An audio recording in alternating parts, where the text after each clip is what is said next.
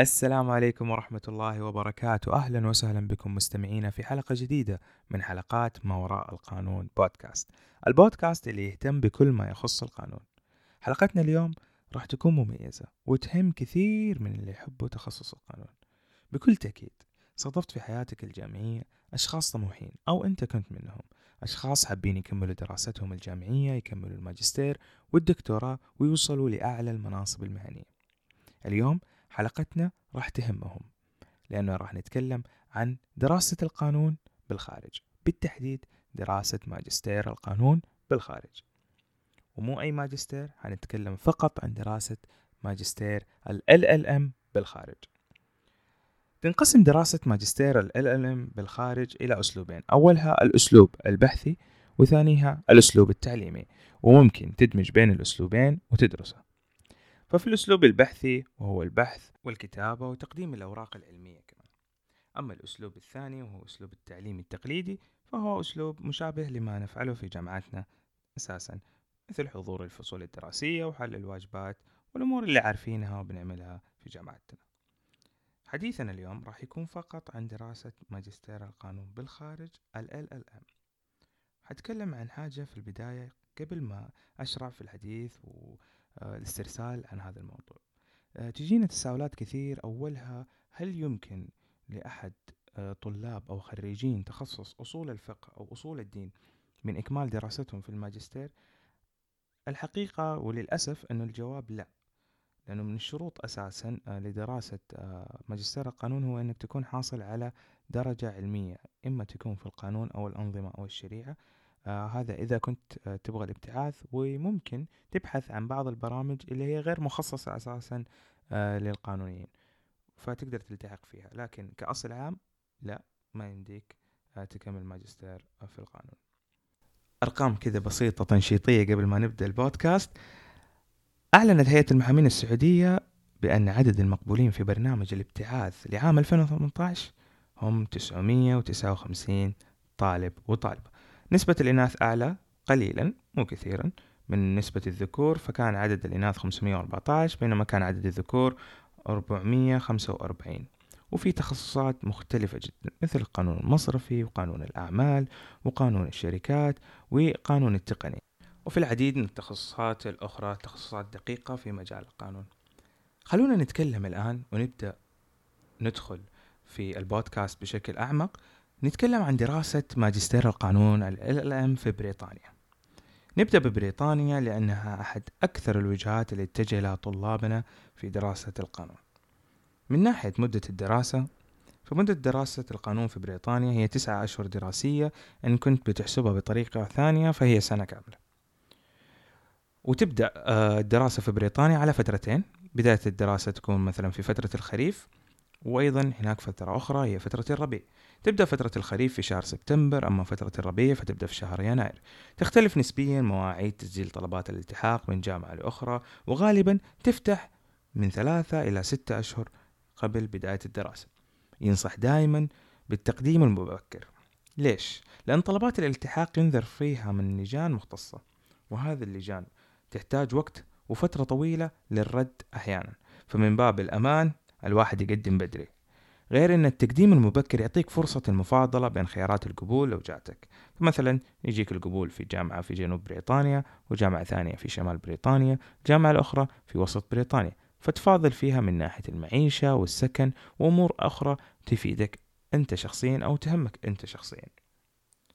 وكمان تعطيك فرصة في أنك تصدر الفيزا أو التأشيرة بدري. على سبيل المثال خلينا ندخل شوية أعمق. على سبيل المثال في جامعة كامبريدج والتي تعتبر أحد أبرز الجامعات في العالم في تخصص القانون يفتح باب القبول في بداية شهر مايو لطلبات فصل الخريف وبداية شهر ديسمبر لطلبات فصل الربيع. طيب إيش هي الشروط الخاصة في التقديم على الجامعات البريطانية؟ كثير من الناس لما يجي يسألوا عن الشروط الخاصة يعتقد أن هناك شروط خاصة كثير وأن الشروط تعجيزية. الحقيقة هي أن الشروط جدا بسيطة وجدا قليلة.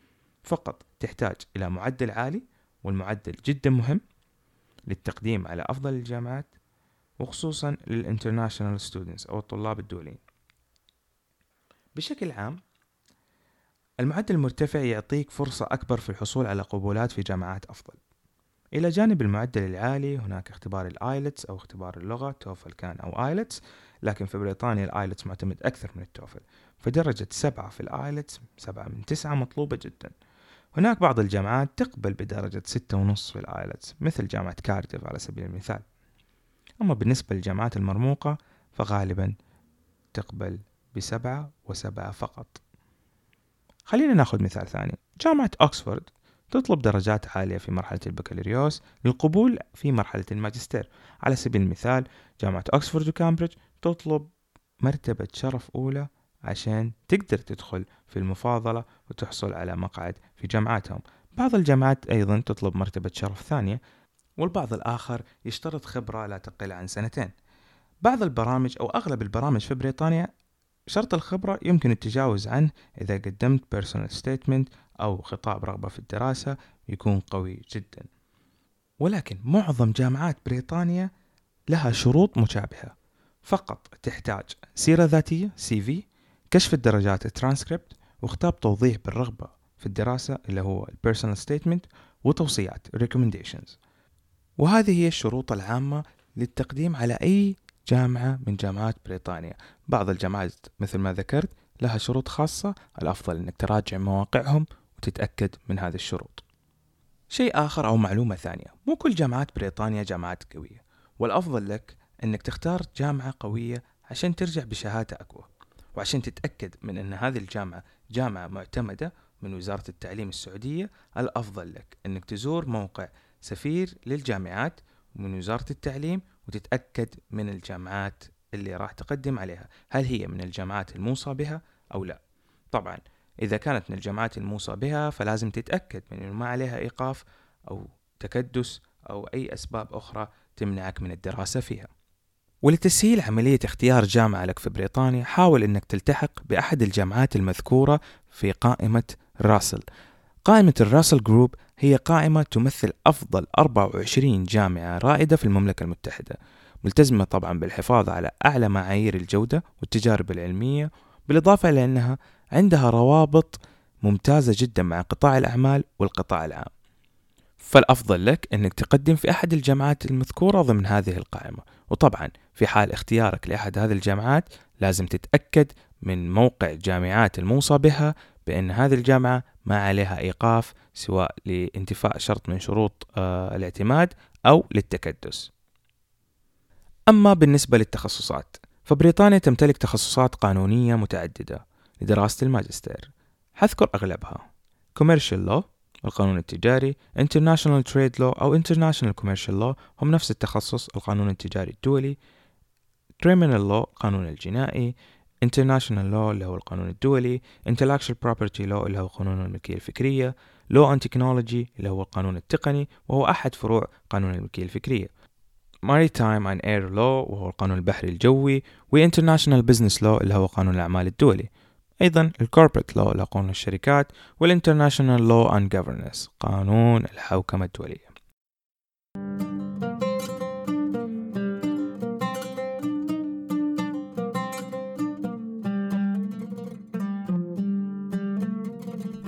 أما بالنسبة لدراسة ماجستير القانون في أمريكا فحتكلم عن مواعيد التقديم ومدة الدراسة شروط القبول وطريقة تحديد معهد لدراسة اللغة والجامعات الأبرز والتخصصات المميزة فقط. ليش؟ لأني ذكرت أغلب التخصصات في آه، جزء بريطانيا. فمواعيد تقديم آه، القبول على برامج ال LLM في أمريكا غالبا يكون قبل أربعة إلى ستة أشهر من بداية البرنامج سواء كان البرنامج يبدأ في شهر سبتمبر من كل عام أو كان في دفعة آه، لفصل الخريف وفصل الربيع مثل بريطانيا. لكن في أمريكا غالبا تكون الدفعة عندهم دفع سنوية ومدة الدراسة فيها 12 شهر. وتتشابه أمريكا مع بريطانيا في شروط القبول من حيث درجة التوفل أو الآيلتس.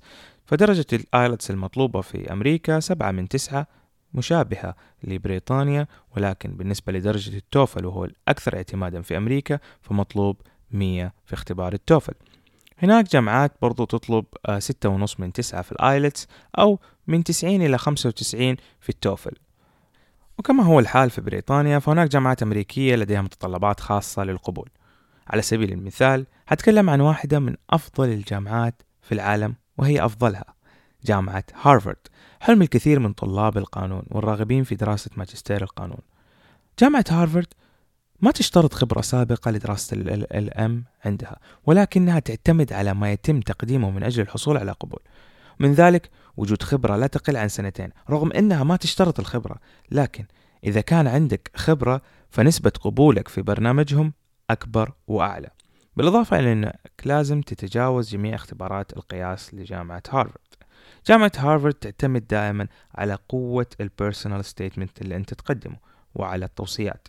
كل ما كانت ال recommendations عندك أقوى وال personal statement حقك أفضل كل ما زادت فرص قبولك في ماجستير ال LLM في هارفارد في جامعات أيضا تتطلب سجل أكاديمي قوي جدا ووجود خبرة سابقة مثل جامعة ييل لأنها تدرس عدد نسبيا قليل جدا من الطلبة كل عام فهي فقط تقبل من 24 إلى 26 طالب سنويا.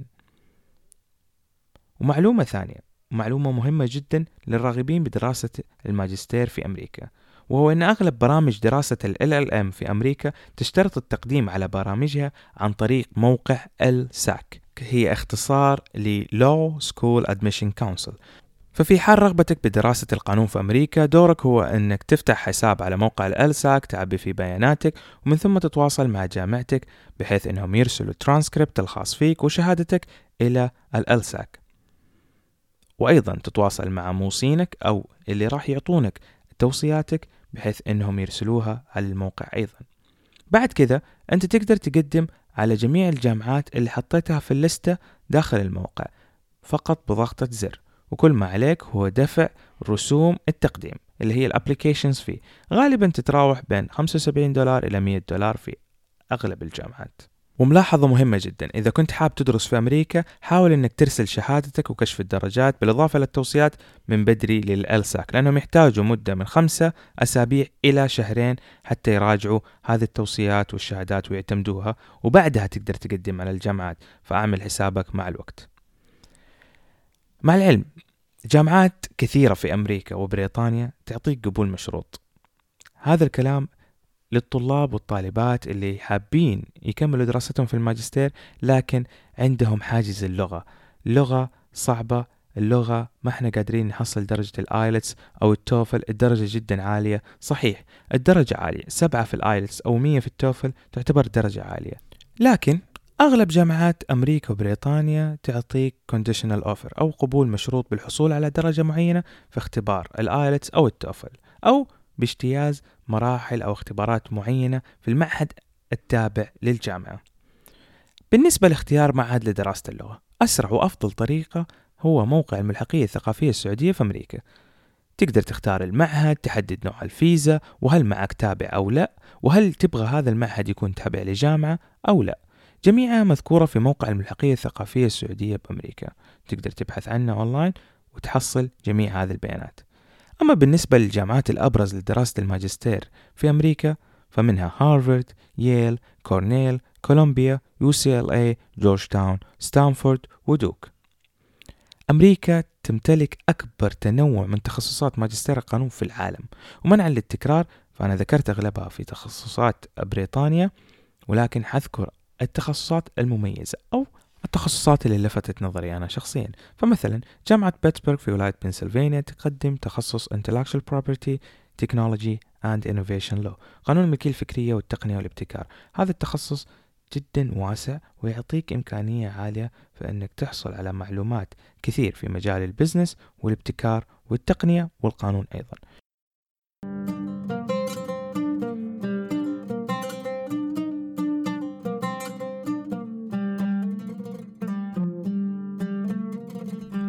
أما بالنسبة لاستراليا فدراسة القانون في أستراليا تتشابه كثير مع دراسة القانون في بريطانيا من ناحية التخصصات وشروط القبول وكمان من ناحية إجراءات التقديم. أستراليا كمان تمتلك أربع جامعات ضمن أفضل عشرين جامعة في تخصص القانون بالعالم. وهذا يخليني أتكلم عن تصنيف الجامعات العالمية.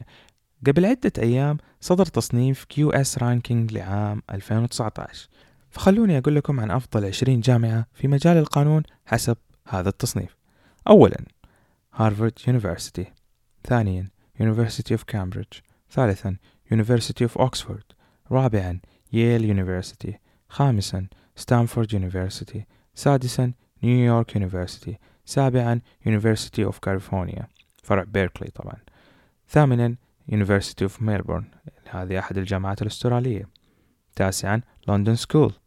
عاشرا كولومبيا يونيفرسيتي في المرتبة الأحداش University of Chicago في المرتبة الاثناش Australian National University في المرتبة الاثناش مكرر University College of London في المرتبة الأربعتاش University of Sydney وهي أحد الجامعات الأسترالية في المرتبة الخامسة عشر National University of Singapore الجامعة الوطنية في سنغافورة في المرتبة السادسة عشر University of New South Wales هذه أحد الجامعات الأسترالية أيضا.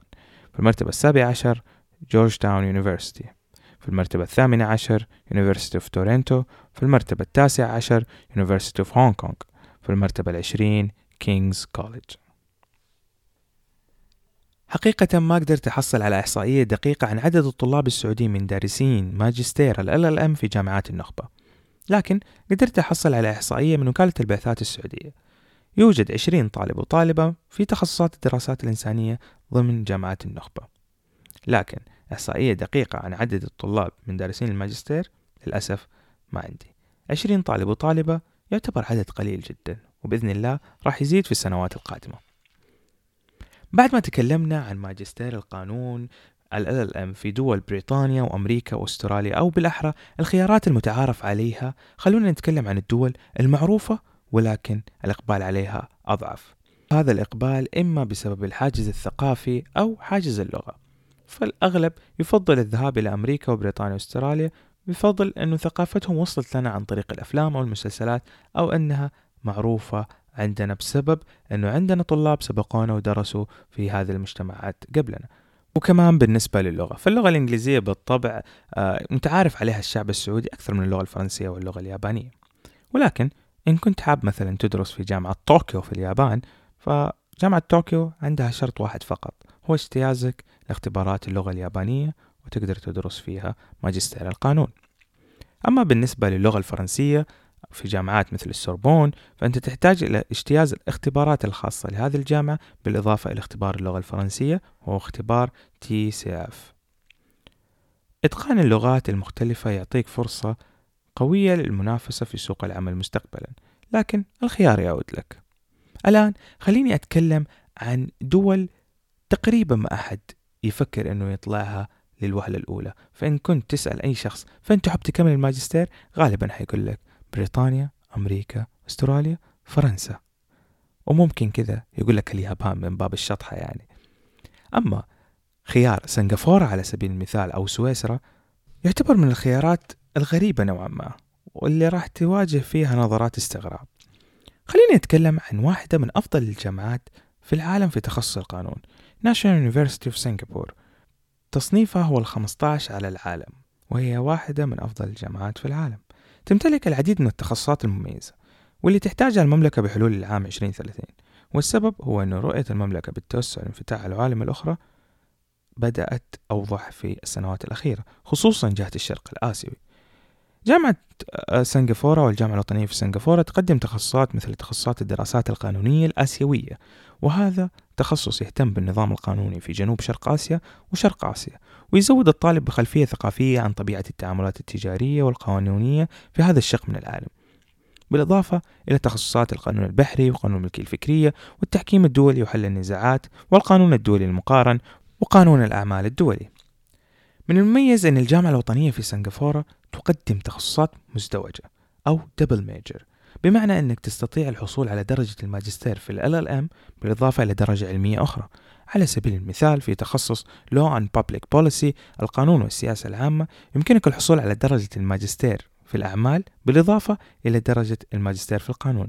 يعني تتخرج بعد سنة ونص بس معك شهادة LLM وشهادة MBA كمان في برنامج آخر مثير للاهتمام وهو برنامج International Arbitration and Dispute Resolutions. برنامج التحكيم الدولي وحل النزاعات. هذا البرنامج يقدم بالتعاون مع جامعة جنيف السويسرية. يعطيك الفرصة الحصول على شهادة LLM وشهادة NUS خلال 18 شهر فقط. يمديك تدرس 6 شهور في جامعة سنغافورة وسنة كاملة في جامعة جنيف أو العكس. ويهدف هذا البرنامج إلى تعليمك أساليب حل النزاعات المختلفة في شقين العالم الشق الشرقي والشق الغربي. وطالما ذكرنا سويسرا وجامعة جنيف خلينا نبدأ بالحديث عن دراسة القانون في سويسرا. الدولة اللي تتمتع بصبغة ثقافية مميزة جدا فهي ملتقى للغات حيث يمكنك تعلم الفرنسية والألمانية والإيطالية بالإضافة إلى الإنجليزية. ويمديك تدرس الماجستير بأحد هذه اللغات على سبيل المثال جامعة زيريخ تقدم برامج الماجستير ال بالألمانية وبالإنجليزية أيضا بينما تقدم جامعة جنيف أو جنيفا تخصص ال باللغة الإنجليزية أو الفرنسية.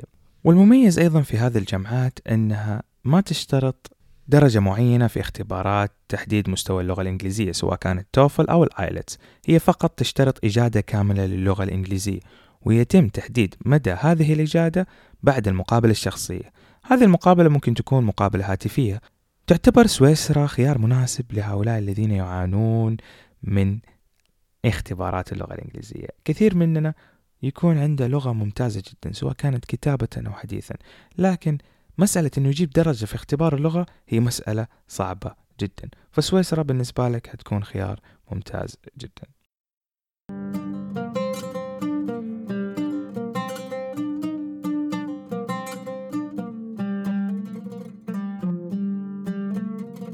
مع العلم أنه بعض هذه البرامج فيها شرط غريب شوية لكن أعتبره منطقي نوعا ما لأنه هذه البرامج غير معدة للحاصلين على البكالوريوس هي معدة للحاصلين على الماجستير. فإن كنت حاب تتوسع في علمك بماجستير ثاني فهذا البرنامج حيكون معد لك. فلازم تتأكد أنه هذا البرنامج هو معد لخريجين البكالوريوس إذا ما كان عندك ماجستير سابق. لكن في استثناءات متعددة للطلبة المتميزين بحيث أنهم يمكن لهم تجاوز شرط الحصول على درجة ماجستير سابقة. ومدة الدراسة في سويسرا مشابهة تماما لمدة الدراسة في بريطانيا وأمريكا واستراليا 12 شهر. تبدأ الدراسة عندهم في سبتمبر ونظامها سنوي فهم يقبلون دفعة كل عام. يعني ما هم مثل بريطانيا عندهم دفعة في الخريف ودفعة في الربيع. طيب إيش الشيء اللي يميز جامعات سويسرا عن غيرها من الجامعات؟ الشيء اللي يميز جامعات سويسرا مثل جامعة زيوريخ وجنيفا هي إنها تمتلك تخصصات مميزة.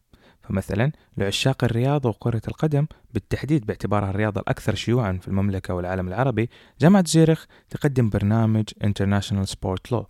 يتم هذا البرنامج بقضايا التخصصات الرياضية بشكل عام من منازعات وشكاوي إلى آخره. وكمان في ميزة ثانية وهي أن المتخرج من هذا التخصص يحصل على شهادتين مو شهادة واحدة. الشهادة الأولى هي ماجستير في القانون الرياضي LLM والشهادة الثانية شهادة تخصصية من فيفا تحت مسمى CAS certificate. تخولك للترافع أمام المحاكم الرياضية في سويسرا بعد إكمالك لشروط الترافع الأخرى. بالإضافة إلى أن سويسرا تقدم برامج تعليمية بالتعاون مع جامعات وكليات عالمية مثل King's College فيصير exchange لل instructors أو تبادل للمعلمين بحيث أن المعلمين اللي يدرسوا في King's College يجوا يدرسوك في جامعات سويسرا مثل جامعة جنيفا. ومعلومة أخيرة إن كنت حاب تدرس في سويسرا فتأكد من لغة البرنامج لأن البرامج اللي تقدم باللغة الألمانية أو اللغة الفرنسية تحتاج إلى اجتياز اختبارات معينة. دراسة ماجستير القانون LLM هو رغبة الكثيرين من خريجين تخصص القانون وطموح العديد من الطلبة الحاليين. ولأفضل النتائج إن كنت راغب بإكمال دراسة الماجستير في القانون هو وضع خطة واضحة لنفسك سواء تخرجت أو لازلت على مقاعد الدراسة. خطة توضح بأنك أنت ناوي تدرس الماجستير في العام الفلاني وتنتهي منه في العام الفلاني تحدد الدول اللي أنت حاب تطلعها وتحدد التخصصات اللي أنت راغب في دراستها. طبعا الخطة الواضحة بالدراسة تسهل وتخفف عليك عملية التقديم وعملية الدراسة وكمان عملية الضغط النفسي اللي يسبق دراسة مرحلة جديدة أو الالتحاق بمرحلة جديدة للدراسة. وفي ختام البودكاست اليوم راح يكون كتابنا هو كتاب by ستيف فوستر الكتاب بعنوان How to Write Better Law Essays. أتمنى تكون حلقتنا اليوم مثرية بمعلومات مفيدة وإن شاء الله نلقاكم في حلقات قادمة نتكلم فيها عن مسارات الابتعاث في المملكة الشروط ومتطلبات التقديم. في أمان الله نلقاكم في حلقة جديدة من ما وراء القانون بودكاست